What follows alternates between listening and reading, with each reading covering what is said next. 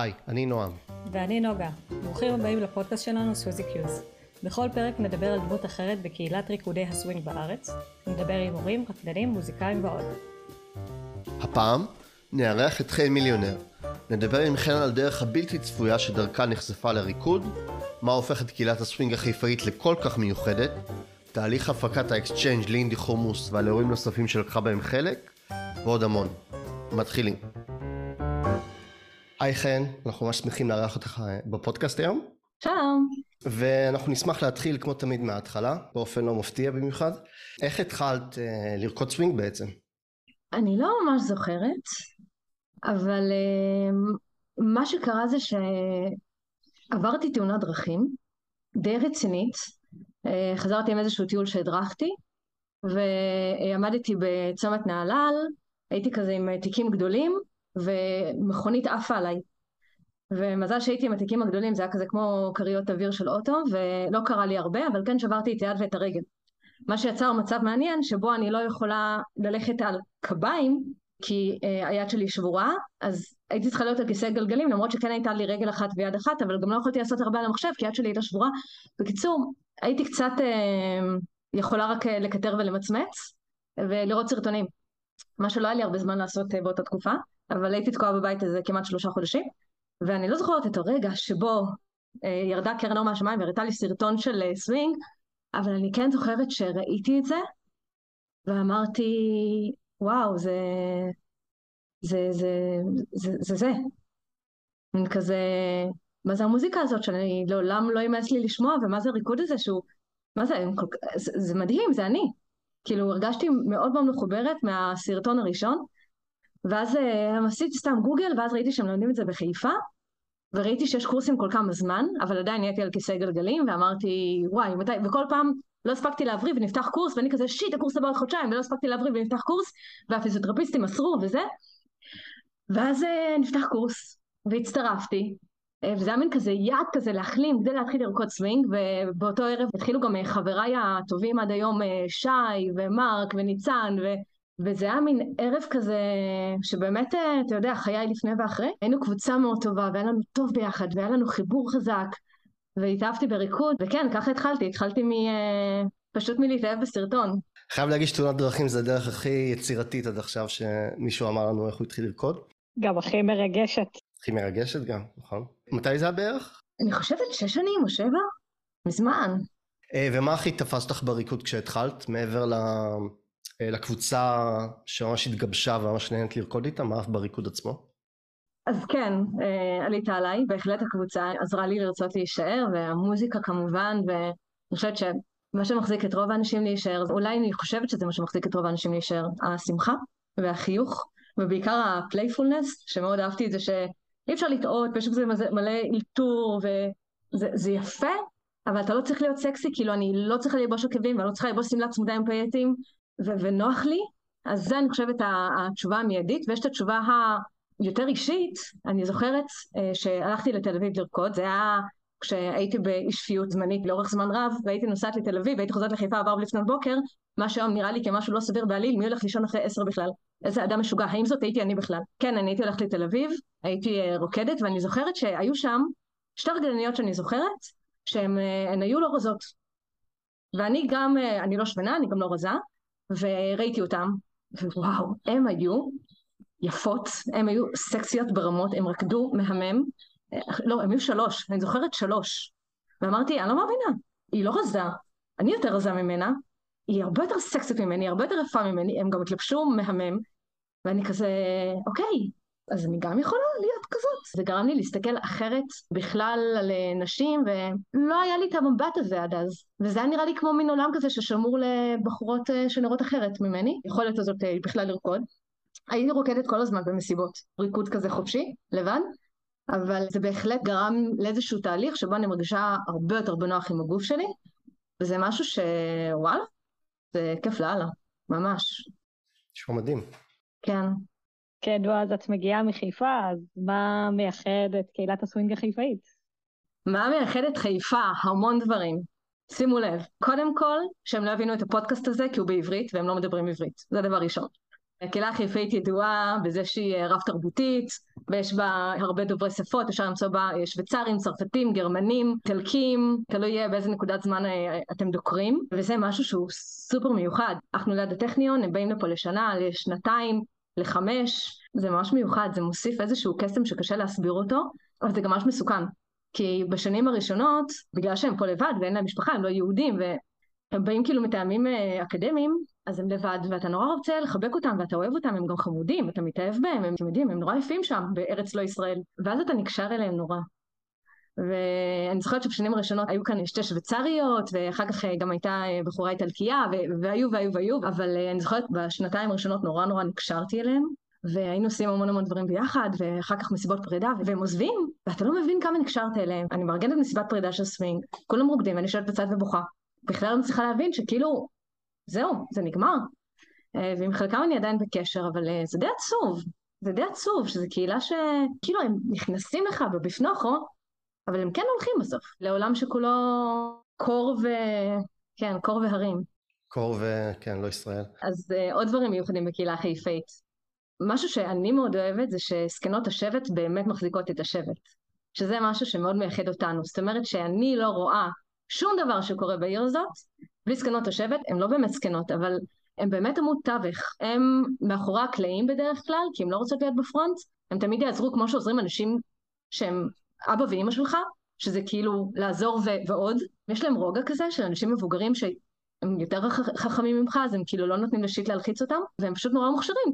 אין דבר כזה, הקהילה בלי זקנות השבט שלה, זקנות בלי זקני השבט, ואני מתה על זה, זה כל כך מיוחד וזה גם נורא טבעי. בכל שבט יש אנשים בכל הגילאים, מה זאת אומרת? וזה הופך את זה למשהו משפחתי כזה, וזה דבר שהוא נורא נורא מדליק בעיניי. עוד דבר, זה הרבה אירועים חברתיים שהם לאו דווקא סביב ריקוד. יש כמה יוצא דופן, אבל בכל אירוע חברתי אומנם אה, יש ריקוד, אבל תמיד יהיה עוד משהו, מכל מיני סיבות. וזה גורם לזה שאנשים יבואו לאירוע חברתי, גם אם נגיד הם שברו את התזרת ברגל, אבל הם עדיין ירצו לבוא, כי יש הרבה מה לעשות שהוא לאו דווקא הריקוד, או אם אתה בגינר, ואתה אומר כאילו, אני מתבייש, אני אולי אתבייש לרקוד, אבל עדיין יש לך סיבה לבוא. אם אתה אה, אחרי קורונה ואתה לא בכושר, אתה אומר אני אוכל להחזיק שלושה ריקודים בלי למות בקהות חושים, אתה עדיין יכול לבוא ולרקוד. זה, זה כל כך מיוחד. תמיד יש משהו שהוא לאו דווקא ריקוד שאתה יכול להיאחז בו. זה גם טוב אם אין הרבה מובילים, ואז אה, כשאתה עומד ואתה מחכה מלא ואתה מתייבש, אז יש לך מה לעשות, זה נורא נורא נחמד. אני גם חושבת שאתה הביצה והתרנגולת, מכיוון שאצלנו כולם מארגנים את האירועים החברתיים, או קבוצה גדולה מאוד, אז זה גם גורם לזה שכולם יכירו וכולם יהיו מחוברים ויהיה להם נעים אחד עם השני, אז זה כזה, זה דבר גורר דבר. עוד דבר שממש מייחד, כשמגיעים אנשים ממקומות אחרים, אני מקווה שהם מרגישים את זה, אבל אנחנו מאוד שמחים בהם. זאת אומרת שזה לא סתם שהם באים ועוד כרטיס או עוד בן אדם, אנחנו נורא שמחים שהם באים, זה נורא כיף לנו, הם עושים מאמץ והם הולכים את כל הדרך, ויש בתוכי אה, כלב קטן ש... שמקשקש כשמישהו מגיע מבחוץ, כי זה נורא נורא מחמיא וכיף. ויש אה, גם דבר אחד שלילי, קשה להוציא אותנו מהבית, אנחנו חברה של חלזונות. אחרי עשר, האורות נחבים, ברמה המטאפורית, ברמה הפרקטית, האורות נחבים, אין עם מי לדבר, אין אף אחד בבית. אז אה, זהו, אז מתחילים אירוע בשש-שבע, אחרי העבודה. עיר הפועלים, זה אנחנו. אה, אגב, משהו שלא אמרתי לגבי הקהילה החיפאית, זה שהקהילה מאוד מאוד מעריכה, וזה סיפוק מיידי מאוד ממלא. יש אנשים שאני כאילו כבר שש שנים מבקשת מהם דברים, הם אף פעם לא אמרו לי לא. אולי, אולי ה, ה, יש להם נתק בהעברה של החשמל, בצד הזה של הלא. וזה ממש נורא קל ככה. נגמר אירוע, גם תוך כדי אירוע, תמיד כולם יעזרו. לא, כמו שאתה באת ושטפת כלים. אגב, רוב האירועים הגדולים, אנחנו כאילו מדברים על חיפה, חיפה, חיפה. בסוף, בסוף, בסוף, אני אומרת לך נתונים אה, בדוקים, חצי מהמארגנים, מהמארגנים, תמיד מקהילות אחרות. תמיד. והתל אביבים מאוד מתגייסים ומאוד עוזרים, ואם אני אומר בכנות, אנחנו עדיין קהילה קטנה, המשאבים שלנו מוגבלים ובלעדיהם זה לא היה אפשר. אני מקווה שהם מוצאים איזה מתגמל, אנחנו מאוד מעריכים את זה, אבל uh, ברור לי ש, ש, שבלי עזרה מבחוץ זה פשוט לא יכול לקרות. ואחרי כל אירוע יש המון המון פרגון והמון המון הערכה, ואותי אישית זה, זה משמח, אבל לי חשוב כל הזמן גם להגיד, כי זאת האמת לאמיתה, שאף אירוע הוא, לא היה שום אירוע, אף לא אחד שהוא רק אני, כל האירועים הם בין שניים לשלושה מארגנים לאירועים הקטנים והפשוטים, והלינדי חומוס אה, קווים לדמותו זה תמיד צוותים במעגלים, זאת אומרת שזה משהו כמו, כמו כל הפקה גדולה, שיש את המעגל של ארבעה חמישה אנשים שהם הצוות המנהל, יש מעגל אחר שזה עוד מנהלי צוותים, ואז יש את הצוותים, שזה עשרה, עשרים אנשים, של אנשים שעושים אה, גרפיקות, אוכל, ניהול תקציב, כאילו המון המון דברים קטנים, אנשים יכולים לעשות דבר מאוד קטן, מאוד גדול, אבל בסוף אה, זה קורה מצב מצחיק, שאתה כאילו עושה פסטיבל או אירוע, וחצי ממי שבא לרקוד ולהשתתף, לקח חלק בהיבט זה או אחר של הארגון של האירוע. אז כן, זה, זה כאילו אני, אבל זה אף פעם לא היה וזה אף פעם לא אני. אז אה, איך התחלת לארגן את האירועים בחיפה? כן, אז, אז האמת היא שאני תמיד הייתי מארגנת אירועים, מאז שאני מאוד מאוד מאוד צעירה, גם בצבא, גם אחרי הצבא. בצבא אני הייתי הדתייה היחידה, והייתי מארגנת את כל החגים, את כל האירועים. לא היה לנו מש"קית חינוך, הייתי במודיעין, אז אני כאילו הייתי מש"קית חינוך, גם דברים שהם ימי הולדת, זה היה לי ממש ממש חשוב. ואני חושבת שכאילו זה היה חזק ממני. אני חושבת שבגלל שבאתי מחינוך דתי, כל העניין הזה של קהילה, יש לו הרבה מאוד דגש. אני לא רוצה להגיד יותר מבחברה החילונית, אבל אני יודעת שאצלנו זה היה משהו שהוא מאוד מאוד מאוד משמעותי. אבא שלי הוא גבאי בבית כנסת, וזה ברור לו שהוא עושה את זה. אמא שלי התארגנת על הגבוה שכונתי, וברור לו שהיא עושה את זה. אצלי זה שונה כי אני גם מאוד אוהבת לעשות את זה, אבל כן ברמה התרבותית אני מרגישה שבאתי מתרבות שקהילתיות יש לה ערך מאוד מאוד חזק, ומכיוון שאני ככן מאוד מאוד אוהבת אנשים ובני אדם, ולראיה המקצועות שבחרתי בהם, אני מדריכת טיולים, אני עושה הצגות, אני כל יום פוגשת עשרות אנשים חדשים ואני מאוד אוהבת את זה. בני אדם מאוד מעניינים אותי, זה נורא נעים לי להכיר אנשים חדשים, אז תמיד מצאתי את עצמי במקומות האלו, זאת אומרת שגם הרבה הרבה לפני הסווינג, אחרי הצבא ממש עבדתי בזה כמקצוע, אני גרתי בקריית שמונה, ואני עבדתי גם כאחראית של אה, כפר סטודנטים של 80 אנשים לכל הפעילויות התרבותיות שלהם. הרבה מהדברים אחר כך גם עברו לסווינג שלנו, למשל אה, טיולים, שהיינו עושים כל אינדי חומוס, אני הייתי עושה שמה. מגזין שזה הגזמה פראית ולא עשינו בחיפה, אבל uh, הייתי אחראית על זה והייתי אחראית על אירועים שהייתי מארגנת יחד עם המועצה האזורית גליל עליון, יחד עם עיריית קריית שמונה. אז אחר כך כשזה התחיל עם הסווינג אז זה כבר היה לי הרבה יותר טבעי לעשות דברים כאלה, כי זה דברים שאני הייתי רגילה לעשות אותם מהעבודה שלי בקריית שמונה. הסווינג, אמ, מעבר לזה שאני מאוד מאוד נהנית לארגן דברים ושזה חשוב לי, אז אני מרגישה שזה גם מאוד ממלא אצלי מקום של אה, תחליף למשפחה, מכיוון שאני לא באמת חיפאית. פה אתה צריך להוסיף סאונד אפקט של דברים נשברים, נופלים, רעידות אדמה, זיקוקים. אני לא חיפאית, אני מרחובות. זאת אומרת שאין לי פה משפחה, המשפחה שלי גרה far far away, היא לא גרה כאן, ויש בזה משהו שהוא לא פשוט. אם קורה לך משהו, אם אתה צריך משהו, בסוף אה, טוב אה, שכן קרוב מאח רחוק, אין מה לעשות. עברתי לחיפה בעקבות מגורים עם אה, בן זוג, שגרתי איתו, ואחר כך כשנפרדנו עברתי להדר, לא הכרתי הרבה אנשים. הצטרפתי באמת לקבוצה שמארגנת אירועי תרבות בשכונת הדר, הם היו החברים הראשונים שלי כאן, וזה היה גם השנה הראשונה שלי בסווינג, הם גם נהיו כמו משפחה, כי באמת לא היה לי פה אף אחד, ולא הכרתי הרבה אנשים. אז לי ברמה אישית זה היה מאוד מאוד חשוב ליצור את המעגלים האלה, כי אני פה לבד. מה האירוע הראשון שהפקת אה, לקהילה של הסווינג? הדבר הראשון שהתארגן, הדבר הראשון שארגנו זה לא היה מסיבה, זה היה בטכניון, וזה היה אחרי שהבית ספר לסווינג יצא מהטכניון, הם לימדו בבית הכ כבר, ואנחנו היינו, חיפשנו מקום להתאמן. ואז התקשרתי לאסת, שזה ארגון סטודנטים בטכניון, ושיקרתי להם באמת בעזות מצח, כשכולנו כולנו לומדים בטכניון, הרבה כן למדו בטכניון, אבל גם הרבה לא, הם השיגו לנו אישורי כניסה לרכב, והשגנו מבנה שפעם בשבוע נוכל להתאמן בו, ואשכרה היינו הולכים ומתאמנים בו. כי היינו אנשים מאוד מאוד רציניים אז, ונחושים, עד מאוד. אז כן, אז זה הדבר הראשון שהתארגן. ומה האירועים שיצא לך להפיק, מה האירוע שהכי יקר ליבך? האמת שלקראת הפודקאסט, כאילו ניסיתי לזכר כי היו עשרות רבות רבות רבות של אירועים, כאילו באמת כמויות גדולות, כי אמרתי, טוב, אני לא זוכרת את כל האירועים שהיו, כי היו גם דברים שהיה פעם בחודש, כמו הוודסטוק, היו באות כל הקהילות באדר, ההולה הופים והאקרו עושים, והיינו עושים את זה פעם בחודש למשך תקופה מאוד ארוכה. היינו רוקדים בחנות ספרים הכי גדולה בעיר, גם פעם בחודש למשך תקופה ארוכה, והיו רואים שהיו חד פעמיים. והרבה מהם התחילו בתור אה, יוזמה של איזה וואטסאפ מהוסס כזה, של אה, מה את אומרת שנעשה ככה וככה, ואז אני כזה, או, רעיון מעולה, ואז טק טק טק טק, זה כאילו כמו מגדל דומינו, זה הופך להיות אירוע.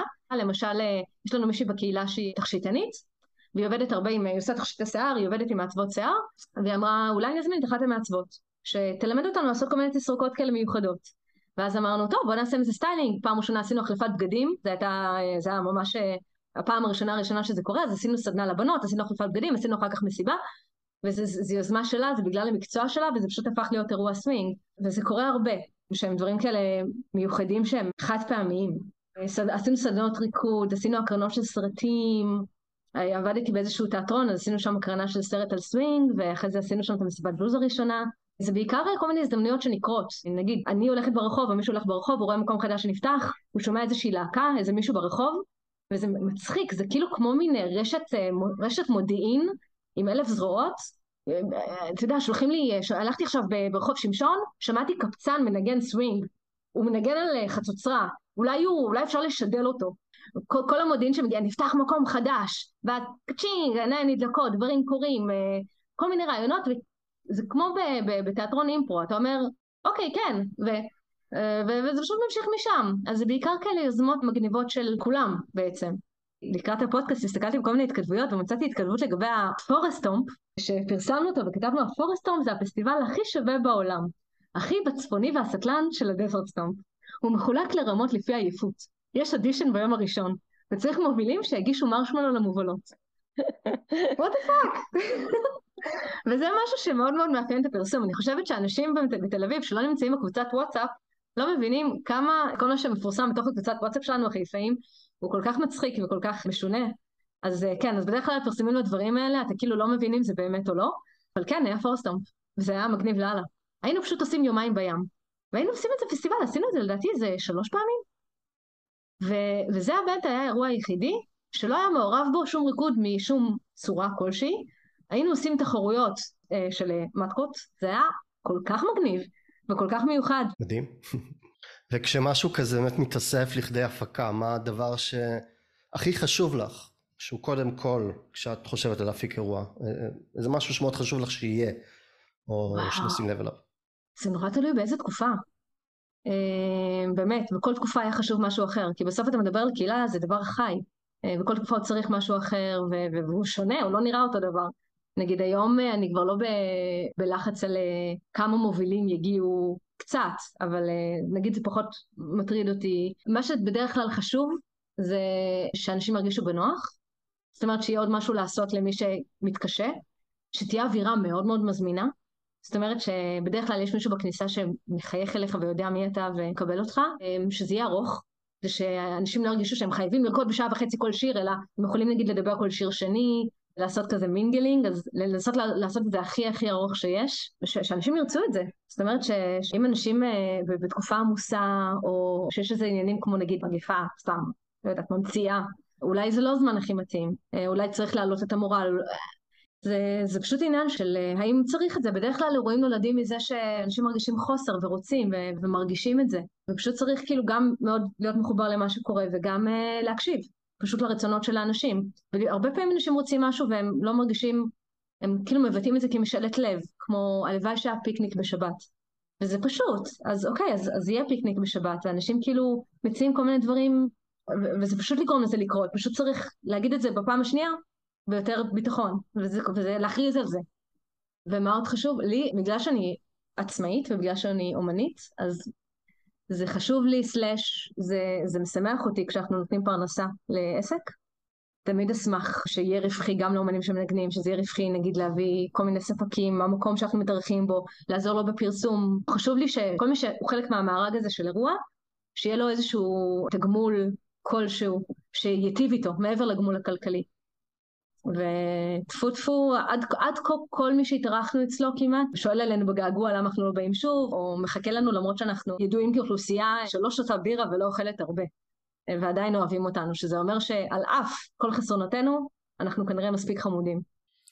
ואם היית צריכה לתת איזשהו טיפ למישהו שחושב על להרים אירוע אה, שקשור לקהילה לאו דווקא בחיפה, יכול להיות שגם בתל אביב או בירושלים או באיזה מקום אחר, והוא מפחד שלא יגיעו מספיק אנשים, הוא מפחד שאם הוא יתחייב למקום אז הוא לא יקבל אולי את ההחזר הכספי שמגיע בגלל שהוא סגר מקום וזה. איך היית מציעה להתמודד עם דבר, עם פחדים, חששות כאלה? להתייעץ ולהיעזר. אם אני רוצה ליזום אירוע ואני רואה שלא לא באים כמות מינימלית של אנשים ואומרים, כן, אנחנו באים לעזור לך, בדרך כלל אנשים ישר אומרים כן ובטח ובשמחה, אבל כשאני רואה שאין את ההתגייסות, אז אני אומרת, אוקיי, הם, הם כנראה לא רוצים. זה, זה לא בא להם טוב. אבל אם נגיד אתה, אתה נועם, נגיד רוצה לארגן אירוע, אז פשוט תדבר עם כמה חבר'ה קרובים, ותתחילו להגות, ואם אתה רואה שהם מתגייסים, סביר להניח שאנשים יגיעו, וגם אני חייבת לומר ש... למה שלא יבואו? זה כזה כיף, כאילו, באמת. אבל, אבל הכי חשוב, הכי חשוב, אני אגיד לך טיפ, אבל זה טיפ מלוכלך. תקשיב טוב. נוגה, תקשיבי גם. אתם צריכים לנסח את האירוע כאילו זה הדבר הכי אטרקטיבי, הד... באמת, זה, זה, אתה מנסח את זה ואתה קורא לזה להישמע כל כך טוב, כל כך אטרקטיבי, כל כך מדהים. אנשים שקוראים את התיאור לאירוע ואת כל הבאז שאני מנסה ליצור מסביב לזה, הם בטוחים שאם הם לא יבואו, אין להם יותר מה לחפש בחברה האנושית. כאילו הם לא, הם הפסידו את האירוע הכי מגניב, זה לא... הם צריכים עכשיו לבטל, הם צריכים להתפטר, הם צריכים לינדה חומוס. מי רוקד אחרי שהוא אוכל חומוס? אבל אם אתה כותב בכותרת של האירוע, מחקרים מראים ש, שאכילת חומוס משפיעה דרמטית על איכות הריקוד, זהו, קבעת עובדה. עליך לאכול חומוס לפני שאתה רוקד, ואם אפשר, מחקרים בכל זאת, אנחנו מדברים על אוכלוסייה אה, עם אחוז אקדמאי מאוד גבוה. כן, ובעיקר לקחת גם הכל בהומור. Mm-hmm. לקחת הכל בהומור, וגם עוד כלל מאוד חשוב, לא, לא לקפוץ מעל הפופיק. אם אני רואה שקשה לי לעשות משהו, אז אני לא אומרת אני עושה את זה בהיקוק או בהיקוק, ואני גם לאו דווקא אה, לא אעשה. נגיד, הלינדה חומוס. רצינו לעשות סדנאות בכל מיני נושאים לקבוצה, לכל מי שמגיע. כדי שהם יכירו, כדי שיהיה להם כזה משהו מגניב אה, מעבר. וזה היה ממש, אם יתנדבו לעשות סדנאות יהיה, ואם לא אז לא יהיה. אם יהיו שניים יש שניים, אם יהיה שמונה יהיה שמונה. ו- ו- ואני אומרת, אני לא מחליטה שיש שמונה ואני נקרעת עד שיש שמונה. מה שיהיה יהיה, מה שאנשים יביאו, וגם אנשים שמכינים אוכל. אני אומרת להם, אתה רוצה אה, להכין משהו קטן? תכין. אתה רוצה להכין אלף עוגות? תכין. זה ממש כל דבר אתה אומר, וואי, תודה רבה, זו עזרה עצומה. וזהו, שם זה נגמר. וזה באמת עזרה עצומה, כי בסוף, אתה יודע, אחד מביא קרש, כל אחד ומה שהוא יכול להביא. אז לפני שנמשיך ללינדי חומוס, אה, אז מה ההבדל בין פסטיבל לבין exchange? שלינדי חומוס זה exchange רק בשביל אה, שאנשים יבינו, אנחנו שואלים את זה. אני אענה הכי בתמציתיות. בפסטיבלים, המבנה של הפסטיבל זה שיש אה, מורים מקצועיים שמלמדים במשך היום אה, סדנאות. אם אתה רוצה ללכת לסדנאות, הם מלמדים סווינג, ובערב יש מסיבות. אה, אין הרבה דגש על המקום החברתי. וגם יש תחרויות. זאת אומרת שבמסיבות, בחלק מהימים, יהיו, יהיה נתח גדול מהמסיבה שעושים תחרויות שכולנו מכירים אותן, ויש חלוקה לרמות, בפסטיבלים שאני הייתי ו- ולקחתי שיעורים גם אני הייתי מצטמית כזה, שרק אחר כך הבנתי שאני כאילו מסומנת, וזה היה כאילו התחלתי לרקוד ואני כזה, היי, למה מסמנים שאני בגינרי? זה ממש מעצבן. אז כן, אז זה, זה פסטיבלים, ו exchange זה שונה לחלוטין. זאת אומרת שהדגש הוא חברתי, וזה ההבדל בין אה, אה, בואו לבקר אותי, שזה פסטיבל, שבעצם אה, מגיעים מבקרים, לבין בואו תהיו חלק ממני, בואו תהיו חלק מהמשפחה. ואתה ממש אה, בא ולוקח חלק, אתה יכול אפילו לקחת חלק בארגון, להציע כל מיני דברים, גם ברמה החברתית, אתה מכיר אנשים, אתה, נכון שגם כשאתה לוקח קורסים בפסטיבל אתה מאוד מאוד מתחבר לאנשים, מאוד, וגם במסיבות, יש את האינטראקציה מן הסתם, אנחנו יודעים את זה, אבל אה, כשאתה מבלה כל היום בפעילות שהיא אה, לאו דווקא סווינגית, אז כן, אתה, אתה מדבר ואתה מתארח ואתה מבשל עם הבן אדם, ואתה ישן אצלו בבית, יש בזה משהו שהוא כל כך מיוחד, וגם אני כמפיקה, ברמה היצירתית זה מעיף לי את המוח. כי בעצם אה, כל exchange זה בעצם הקהילה באה ואומרת, אוקיי, החומר גלם שלנו זה העיר והאנשים. עכשיו אנחנו עושים את זה. איך אנחנו גורמים למישהו שבא להתאהב בנו ולהכיר אותנו באמת. אה, לא ברמה של הריקוד, ממש להכיר בכל מיני רבדים. ואז אתה מוצא את עצמך עושה טיול אופניים ורוקד בתוך אה, יקב, אם אתה נגיד באזור עם גפנים. אתה מוצא את עצמך בוקר שלם מחלק מאפינס עם סינר בריטי. אם למשל תיקחו את חיפה, האקסצ'יינג'ים הראשונים היו בחיפה ואחר כך הם עברו לבית לחם הגלילית וכל מקום יש לו את האפשרויות שלו. אז אם למשל לוקחים את חיפה, אז בערב צריך לחשוב על אה, מקומות מיוחדים לעשות בהם את המסיבות ואיזה אומנים מקומיים בשביל המסיבות סווינג וביום יש את כל מה שיש לעיר להציע, שזה ים, שזה ים של אפשרויות. יש את ההר, את היער, שאפשר לעשות שם גם סדנאות וגם טיולים. אמ, יש את העיר עצמה, שיש בה הרבה מבנים אה, ארכיטקטוניים ואדריכליים מאוד מעניינים והרבה היסטוריה. אז יצא שעשינו מסיבות למשל בהרבה מקומות שהם כמו ארמונות עות'מאנים, עם תקרה גבוהה ורצפות מצוירות וויטראז'ים, ויש מבנים מאוד יפים. והיזמים עצמם, כמו למשל החנות ספרים, אז זה למשל יזם מקומי שהוא לא רוקד אבל הוא יצירתי והוא אוהב לשתף איתנו פעולה ויש הרבה כאלה בעיר שהם מאוד נגישים ומאוד ששים ליצור דברים ביחד. אז יש מפגש של כל מיני קבוצות אה, שהם לאו דווקא רוקדים סווינג ויש את הפן האנושי שזה מי האנשים שרוקדים שיכולים להעביר סדנאות, למשל אה, הסדנאות שסיפרתי עליהן בלינדי חומוס האחרון, אז היה סדנה של פיסול בטבע ושירה וכל מיני דברים שהם המקצועות המיוחדים של האנשים ורוב הסדנאות יהיו מאוד טובות כי זה המקצוע שלהם, אבל יש גם אנשים שיש להם לכאורה מקצוע שגרתי, אבל יש להם תחביבים שהם מביאים לידי ביטוי ואז אנחנו מכירים גם עוד פן של הבן אדם. אז בעצם להרכיב את כל המיקס הזה של כל מה שיש לכולם להציע, זה הדבר היצירתי ש... שהוא מדליק בעיניי. אגב, דבר שלא אמרתי, שהוא מגה חשוב בשבילי, זה שה exchange בניגוד לפסטיבל הוא א-תחרותי, שזה משהו שלי הוא מאוד מאוד חשוב, כי כשאתה רוקד, ואתם בטוח תזדהו איתי, בכל השלב ההתחלתי אתה מאוד עסוק בהרגשה של אני לא טוב, אני צריך להיות יותר טוב, אני צריך להתאמן הרבה. האם אני אי פעם מתאמן מספיק בשביל להיות טוב? האם, אני, האם יש מספיק זמן בעולם בשביל לקחת את כל הקורסים וללמוד אצל כל המורים בשביל שאני אהיה מספיק ראוי? ואתה סוג של מתייסר מזה. ככה זה כל השלב ההתחלתי. ובתחרויות אתה תמיד אומר, האם אי פעם? לא. הם אלוהים, הם מלאכים עם, אה, עם קץ. התחרויות זה דבר אה, מאוד יפה לצפות בו, אבל אה, תמיד יש הממד הזה של התסכול, באיזושהי עוצמה. וכשהייתי בלינדי קייק, לא התחרות ולא הצמידים עם רמות. ואז אמרתי, אוקיי, זה מרגיש לי מה זה נוח ומה זה נכון, שלא מדרגים אותי, שלא ממקמים אותי, שאני יכולה להיות מה שאני, שאני יכולה להיות ממש חשובה ו- ו- ומשמעותית, גם אם אני אה, לא הרוקדת הכי טוב בחדר הזה.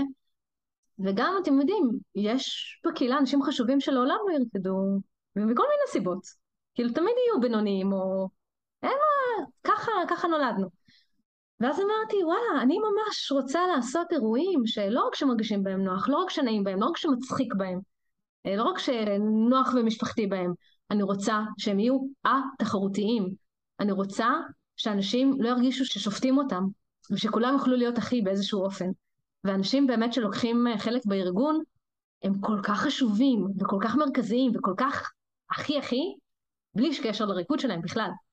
וזה משהו שמאוד השפיע עליי. כי, כי זה, זה, זה הרגיע גם אותי, זה עזר גם לי להרגיש טוב עם עצמי, ורגועה עם עצמי, ו, ובשבילי כן, זה, זה תחביב.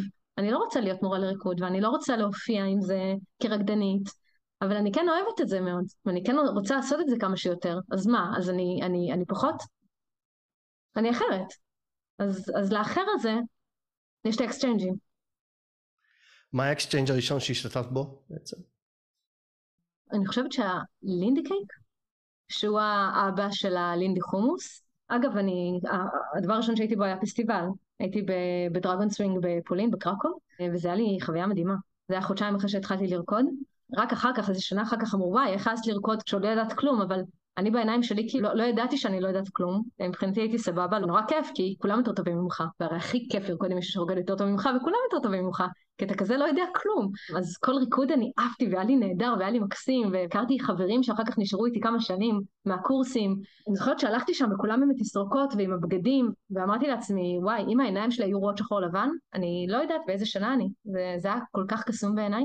אז כן, זה הפסטיבל exchange, היה אה, ה Lindy Cake, הוא פשוט, אה, אני חושבת שהלכתי שלוש פעמים ל Lindy Cake.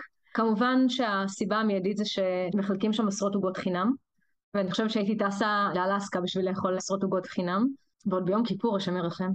ה Lindy Cake תמיד יצא ליום כיפור, זה נורא. זה נורא שעוד לא הכה בי ברק. יש שם משהו ברמה החברתית, הם אנשים מקסימים. פרייבורג זאת עיר אה, באמת מיוחדת וירוקה, והם כל כך קוראים לך להרגיש חלק. אני ממש זוכרת, הזיכרון אחד החזקים שלי, שאני נוחתת, נכנסת בדלת, כולם עומדים על אה, סולמות ותולים דברים, ואני פשוט נכנסת אוטומטית, עולה על סולם ועוזרת למישהו לתלות, ושם זהו, אני חלק, ואתה מרגיש כל כך קרוב, והרגשתי ש... שיש לי שם כל כך הרבה חברים, ושמרתי איתם על קשר, וכשחזרתי, חזרתי כדי לראות אותם, כי אני אוהבת אותם, כי התגעגעתי אליהם. כאילו, מה? וכן, כאילו גם ברמה היצירתית, אגב, נוגה ונועם, אתם יודעים שמי שמארגן את ה Lindy Cake אלה שני בובנאים? איפה עוד יש exchange בעולם שמארגנים אותו בובנאים? בקיצור, אה, אז כן, אז אה, מארגנים אותו שני בובנאים שהם בני זוג, וזה פשוט באמת אירוע מאוד יצירתי, והמארגנים שלו, כל מה שלמדתי לפני הלינדי חומוס, למדתי מהלינדי קייק, זה היה ממש נר לרגליי. אמרתי, את כל היופי הזה, אני מביאה אלינו, כי אנחנו מה זה מסוגלים לעשות את זה, אנחנו מה זה חמודים כמוהם, אנחנו מה זה מוכשרים כמוהם, אנחנו פשוט נעשה את אותו דבר, ו- וכך היה. כך היה, זה כל כך הרשים אותי. זה פשוט אה, קבוצה של אנשים שמתנדבים ויוצרים עולם שלם שהוא, שהוא נפ... פשוט היה יפהפה. נשמע מדהים לגמרי. כן, זה כוחה של קבוצה. אמרת שהיית שלוש פעמים בלידיקייט, mm-hmm. אז באיזה שלב הבנת שאת רוצה לייצר את הלידי חומוס, מבין הפעמים האלה. כנראה תוך רגע, רגע וחצי. זה מבחינת, מבחינתי אם יש משהו מדהים שאפשר אה, לייבא, מייבאים. ואת יכולה לשרטט ככה בצורה עם מבט אה, ציפור, מה היה התהליך? היית שם ואמרת אוקיי אני רוצה לעשות את זה עד הרגע שזה באמת קרה, איך זה התפתח? תראה זה, זה לא האירוע, זה לא האירוע הראשון שהיה בקהילה, זאת אומרת שההפקות של הקהילה, האירועים של הקהילה לא התחילו. את הלינדי חומוס, האירועים התחילו כמה שנים קודם, ובטח שהיו גם אירועים לפני שאני הגעתי מן הסתם, פשוט הקהילה הייתה מאוד קטנה. זאת אומרת ש, שכשהיינו שם כבר, כבר זה היה קבוצה של חברים שכבר עשו דברים בעבר ביחד, ואני מכירה את האוכלוסייה ואני יודעת מה היכולות, ובגלל שאני אה, מתחום העיסוק שלי, אני מאוד מכירה טוב את העיר, ואני יודעת באיזה אולמות אפשר לארגן מה, ואני בסצנה של האומנות והתרבות, אז אני מכירה פחות או יותר את הלהקות ואת האפשרויות, וגם אה, ברמה ההפקתית, אז אני באמת אוהבת את זה, כאילו כשמגיעה הזדמנות כזאת, שאני יודעת שהיא טובה, שאני יודעת שיש לה פוטנציאל, זה מדליק אותי ברמות. ואז כאילו זה נגמר, והלב שלך נמס. אתה מואר כמו, באמת, כמו חנות אה, באייס, כאילו, הכל פלורוסנטים. וזהו, ואז אתה עושה את זה עוד פעם. בקיצור, זה, זה לא היה קשה, זה לא היה, ה Lindy Hummus הראשון, זה לא היה קשה, הוא היה מגניב ברמות, עשינו שם ליין של שלושה סרטונים קצרים, היסטוריים, שכולם נונסנס וטמטום מוחלט של איך הומצא ה Big Apple, איך הומצא ה Lindy Hummus, איך הומצא ה Shim Sham, שבהם אנחנו מסבירים דברים דבילים וחסרי קשר למציאות אה, על ההיסטוריה של הסווינג. אז אה, כן, קרו שם כל מיני דברים אה, מאוד אה, לא ברורים, כן. יש סיכוי שצפיתי בהם. כולם אגב קורים בטכניון, תוך ניצול המשאבים של הטכניון, שזה מוטיב שחוזר לאורך כל ה... זה מצווה, זה מצווה. אז את, את אומרת שכרגע את לא חושבת uh, להפיק משהו כזה, אבל יש איזה, איזה הפקה שנרקחת ונרקמת במוח כלשהי שהיא גדולה וייחודית, או שכרגע את באירועים קטנים? כרגע בחיפה קורה משהו מקסים שחיכינו לו הרבה זמן, שזה יוזמות uh, של אנשים uh, חדשים. וזה מה זה כיף. ו... וצריך לתת להם לצמוח. ו...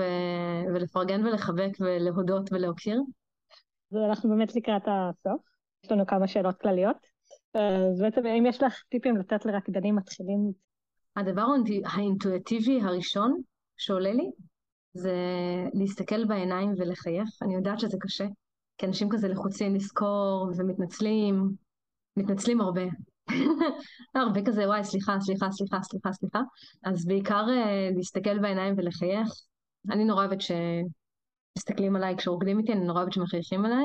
מבחינתי לעשות סיבובים סביב הקיר החיצוני, ובסדר, כאילו זה זמני, זה את השבוע ככה, עוד חודש זה כבר לא ירגיש ככה.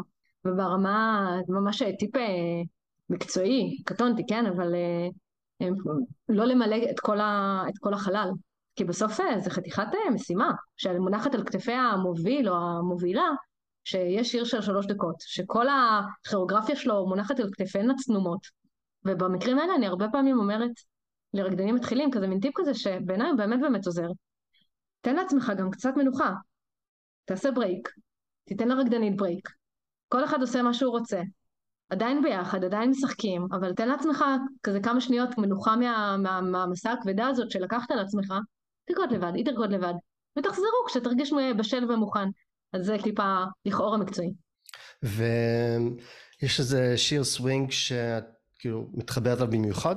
כי אני מתאר לעצמי שיש המון שאת אוהבת, אבל יש איזה אחד שככה תופס לך פינה חמה בלב? לא, כמובן. זה Darktown Strutters' Ball של אלברטה הנטר. אלברטה. אה, אלברטה הנטר, יש לה שיר שעשיתי על פיו הצגת אה, תיאטרון בובות. זה היה אחרי שהבטחתי לעצמי, אה, אחרי שאהבתי הצגות ונהייתי בובנאית ואהבתי טיולים והפכתי למדריכת טיולים, אמרתי לא, הסווינג זה לא יהיה מקצוע, זה חביב. את לא עושה שום דבר שקשור לעבודה.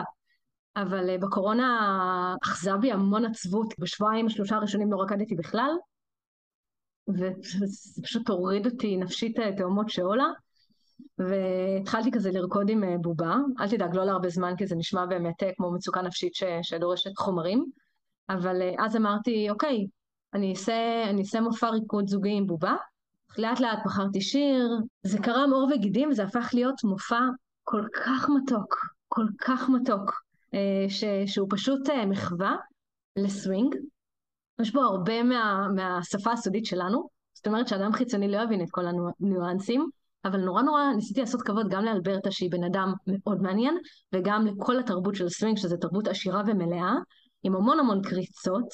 אה, יש מסך אחורי שקורים בו המון המון דברים, הכל בשחור לבן, אלברטה אישה שחורה וג'וסית כזאת. לימים המופע הזה גם מופיע בפסטיבלים, והצטרפה אליי רקדנית מתל אביב שגם אה, מאוד תרמה למופע, כי אה, היא נפש של אומנית בעצמה והיא מאוד יצירתית, בילי. אז השיר הזה, זה נהיה מזוהה קצת איתי, וכל פעם שאני שומעת אותו, אלוהים יודע איך לא נמאס לי ממנו, אבל הוא באמת, הוא כל כך יפה, הוא פשוט שיר מדהים. היו רקדני סווינג שהושפעת מהם בריקוד שלך? האמת שהרקדנים שהכי השפיעו עליי, היו הרקדנים הראשונים שלימדו אותנו בחיפה. איליה גרגוריוב ושירלי אושר, מאוד מאוד אהבתי אותם. קודם כל הם נורא יפים, ממש, שניהם כל כך כל כך יפים, הם רוקדים כל כך יפה. היה בהם משהו שמאוד התאים לנו, לקבוצה החיפאית שהתגבשה, ש... שהם גם מאוד מאוד מוכשרים ומקצוענים, הם... בעיניי הם עדיין מהרקדנים היותר טובים שיש בארץ, אבל גם הייתה בהם הרבה מאוד צניעות, והם היו מאוד נגישים, וממש אה, התאהבתי בשניהם. ואני נורא שמחה שהם היו המורים הראשונים שלי. הייתה לי, הם פשוט העניקו לי חוויה מיוחדת. איזה כיף להיות מורה, אה? אתה משמעותי וחשוב. כן. יש שמועה שאומרת ש... בעקבות איליה נבחר השם לקבוצת הוואטסאפ החיפאית. זה נכון, כך הוא היה סופר, פדום פדם, ואז החלטנו לשנות את זה לפדום פדם. וואו, את ממש בקיאה בהיסטוריה. חלק מהסיבה שאנחנו עושים את כל זה זה ההיסטוריה. כן. אז חן, תודה רבה שהיית בפודקאסט שלנו, היה מרתק לשמוע על התהליך אה, שעברת לקראת, אה, וכחלק מההפקה של אנינדי חומוס, ובכלל על הקריאה בחיפה. תודה רבה. תודה, תודה לכם, נוגה ונועם. ניפגש במסיבות, כן? אתם באים, נכון? ביי. תודה רבה שהאזנתם, מקווים שנהנתם. כדי לקבל עדכון לגבי הפרקים הבאים, אתם מוזמנים לעשות subscribe בספוטיפיי או בכל פלטפורמת פודקאסטים אחרת. בנוסף, אתם מוזמנים לעקוב אחרינו ולקבל עדכונים לגבי כל אירועי הסווינג החשובים בארץ באתר israhop.co.il. נתראה במסיבה.